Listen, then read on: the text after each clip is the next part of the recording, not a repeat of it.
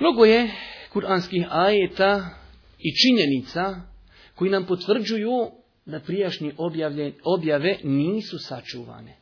Kaže uzvišeni Allah subhanahu wa ta'ala Efetetume'una en ju'minu lekum wa kad kane fariqum minhum jesme'una kelam Allahi thumme juharrifunahu min ba'di ma aqaluhu wa hum ja'lamun Zar se vi nadate da će vam se jevreji odazvati i vama za ljubav vjernici postati, a neki među njima su Allahove riječi slušali, pa su ih, pošto su ih shvatili, pazite, pa su ih, pošto su ih shvatili, svjesno izvrnuli i izokrenuli. Či znači, Allah Đelešanu nam u Kur'anu potvrđuje da su prijašnji narodi slušali, zatim shvatili, a nakon toga svjesno izvrnuli prijašnji objavlje, objave.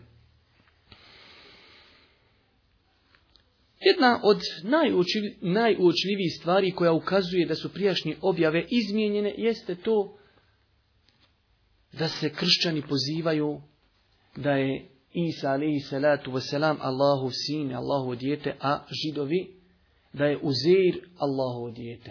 Znači ne treba veći dokaz za iskrivljenost prijašnjih knjiga Uzvišeni Allah subhanahu wa ta'ala o tome govori u Kur'anu pa kaže وَقَالَتِ الْيَهُودُ عُزَيْرٌ ibn Allah وَقَالَتِ النَّصَارَ الْمَسِيحُ ibn Allah ذَلِكَ قَوْلُهُمْ بِأَفْوَاهِهِمْ يُضَاهِمُونَ قَوْلَ الَّذِينَ كَفَرُوا مِنْ قَبْلِ قَاتَلَهُمُ اللَّهُ أَنَّا يُؤْفَكُونَ Jevreji govore Uzeir je Allahov sin. A kršćani opet kažu, Mesih je Allahov sin. To su riječi njihove, iz usta njihovih oponašaju riječi nevjernika prijašnjih ubio ih Allah, kud se odmeću. Mnogo je, kažemo, činjenica koji potvrđuju nakon kuranskih ajeta, koji potvrđuju da su prijašnje objavlje iskrivljene. Prva od tih činjenica jeste da ne postoji, braćo moja draga, danas originalni primjerak neke od prijašnjih objava. Ne postoji originalan primjerak. Dok pogledajte Kur'an, svi Kur'ani isti ne razlikuju se ni u jednom harfu. Naći, ćete u cijelom svijetu na hiljade hafiza koji znaju Kur'an, opet svi isto. Također, od činjenica koje ukazuju da su prijašnje knjige iskrivljene jeste i to da ne postoji validan argument, ono što mi nazivamo sened ili lanac prenosilaca, koji doseže do tih poslanika. I poznate su činjenice historijske da su knjige prijašnjih poslanika pisane nakon njihove smrti.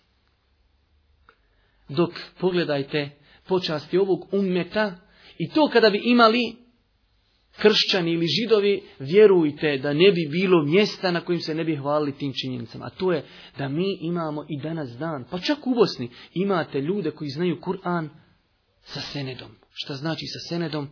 On kaže, ja sam naučio Kur'an od tog šeha. On od tog šeha, on od tog šeha, on od tog, od tog, a on od tavijina, on od ashaba, asab od poslanika. I svako od njih dobio i džazu za podučavanje. To nema niko osim muslimani. Također, činjenice koje ukazuju na iskrivljenost prijašnjih knjiga jeste i to da danas na tržištu možete naći različite primjere Bibliji.